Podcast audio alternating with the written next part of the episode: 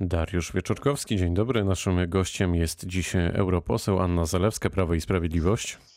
Dzień dobry, witam.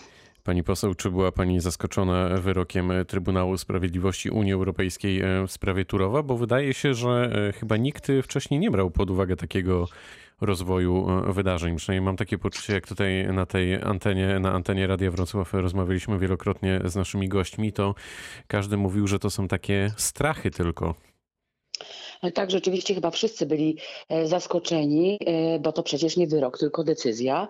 E, i tak zwany środek tymczasowy. I to środek, który niemożliwy jest do zastosowania, dlatego że spowodowałby zagrożenie ekologiczne i jednocześnie zabrał miejsca pracy nie tylko pracującym, w kopalni i elektrowni, ale w firmach współpracujących, czyli prawie 70 tysięcy e, osób. Oprócz tego e, zaskakujący, ponieważ w grudniu Komisja Europejska przed którą też toczyły się dyskusje na temat Turowa i był protest czeskich, między innymi ekologów, gdzie Polska wygrała. Więc było to rzeczywiście wielokrotne zaskoczenie Najważniejszy jest komunikat z rządu, że cokolwiek by się działo, e, Turów zostaje, e, będziemy e, robili wszystko, żeby funkcjonował tak, by sprawiedliwie się transformować do 2050 roku.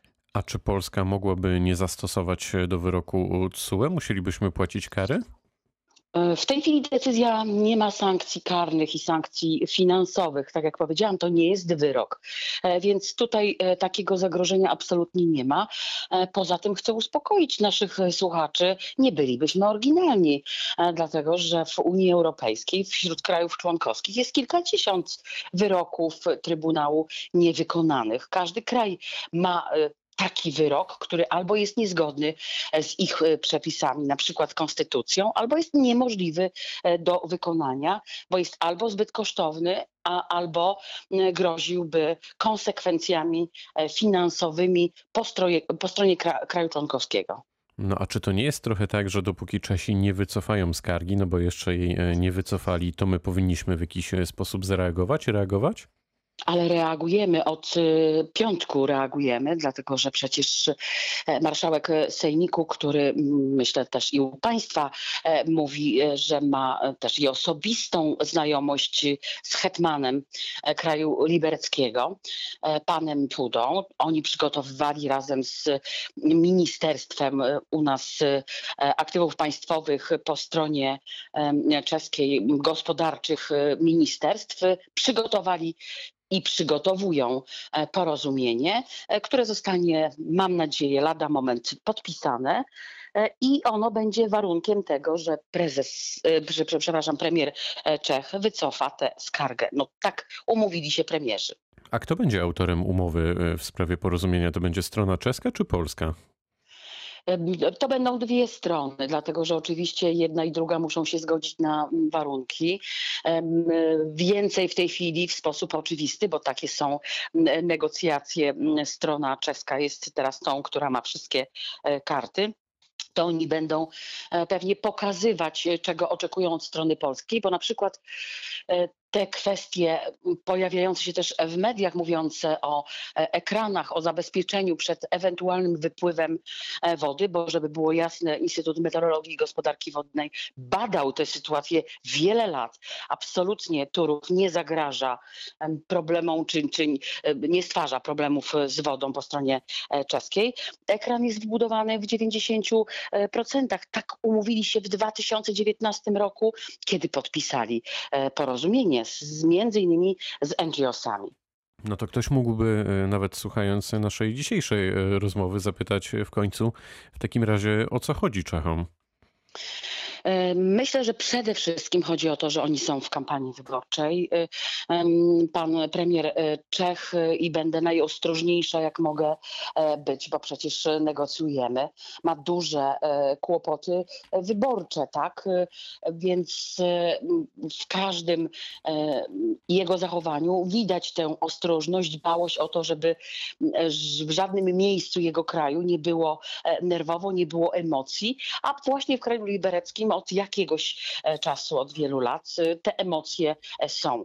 Więc myślę, że przede wszystkim te kłopoty Turowa wynikają z faktu, że no, są wybory w Czechach. A jak pani sądzi, czy kopalnie, które e, działają, kopalnie e, węgla brunatnego, odkrywkowe w Czechach e, i w Niemczech, one są mniej szkodliwe od tych w Polsce? Bo takie pytania też się pojawiają. Czy tutaj nie ma jakiegoś drugiego, trzeciego dna, abstrahujące od kampanii oczywiście, która ma miejsce za naszą południową granicą?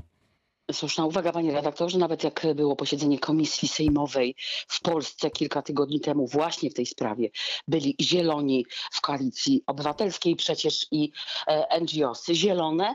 E, pytałam, czemu nie mają odwagi być po stronie czeskiej i niemieckiej, bo dokładnie tak jest. Turów jest pięć razy mniejszy od czeskiego kompleksu, dziesięć razy mniejszy od niemieckiego i jako jedyny spełnia najwyższe standardy, jeżeli chodzi o emisje i unikanie emisji czy przeciwdziałanie emisji spełnia najbardziej rygorystyczne normy w tej chwili obowiązujące w Unii Europejskiej. E, to też jest kolejny aspekt tej sprawy, po prostu konkurencja, po prostu pieniądze i po prostu produkowanie energii właśnie z węgla brunatnego. Zresztą przypomnijmy, że większość kompleksu niemieckiego jest czeska. Właśnie właścicielem był, bo to już jest y, chyba świętej pamięci, zdaje się, e, zginął e, z miesiąc temu. E, ten sam właściciel i po stronie czeskiej, i po stronie niemieckiej. Wielu polityków partii rządzącej mówi o dobrej współpracy w Grupie Wyszehradzkiej, o dobrych relacjach z Czechami. Tymczasem od wielu miesięcy polska ambasada w Pradze nie ma swojego e, przedstawiciela. Czy to jest e, normalne? Bo to chyba też e, nie ułatwia prowadzenia rozmów chociażby o Turowie. Skąd taki no nie wiem, impas w tej sprawie, bo raczej rzadko się zdarza, żeby akurat ambasada w Pradze tak blisko mm, naszej granicy była nieobsadzona. Chciałoby się powiedzieć, że dlatego, że tak, są, e, że tak dobre są relacje, stąd nikt się nie spieszy z powołaniem ambasadora, ale oczywiście ma pan redaktor e, rację. W Grupie Wyszehradzkiej mamy e, wspólne cele, podejmujemy wspólne decyzje przed każdą Radą Europejską. Grupa Wyszehradzka jeszcze wcześniej się spotyka, żeby omawiać to, co się dzieje na Radzie Europejskiej. Przyznaję to duży kłopot. Nie mam pojęcia, z czego on wynika. Będzie będzie pan miał na antenie pana e, ministra, szefa kancelarii premiera, to myślę, że to jest pytanie do niego. To jak dziś, kończąc wątek Turowa, właściwie e, rysuje się jego przyszłość, przyszłość pracowników, mieszkańców e, tamtego regionu? Przyszłość musi być jedna. Mm, Turów zostaje, będzie pracował i będzie przygotowywał się do sprawiedliwej transformacji energetycznej przez najbliższe kilkadziesiąt lat. E, I ta transformacja będzie polegać na tym i musi na tym polegać, że najpierw pojawiają się miejsca e, pracy, a później są jakieś ograniczenia w e, wydobyciu czy też w produkcji z węgla. Zresztą Turów działa zgodnie z prawem klimatycznym. Umówiliśmy się na zero emisji emisyjność do 2050 roku. Kopalnia działa i ma taką możliwość do 2044. No to spójrzmy e, teraz e, na wschód. E, czy prezydent Białorusi się opamięta? Czy można pomóc tamtejszym obywatelom, ale też, co ważne, obywatelom Polski?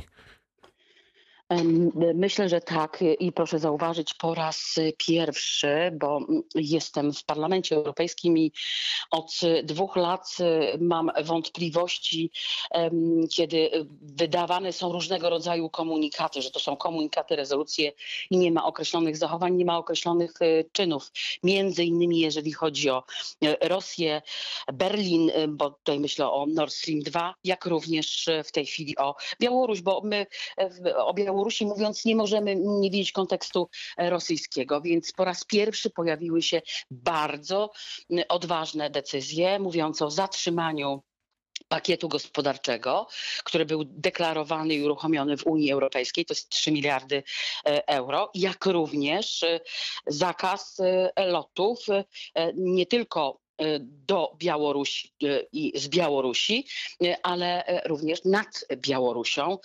To rzeczywiście powinno być dotkliwe i powinno przynieść reakcję.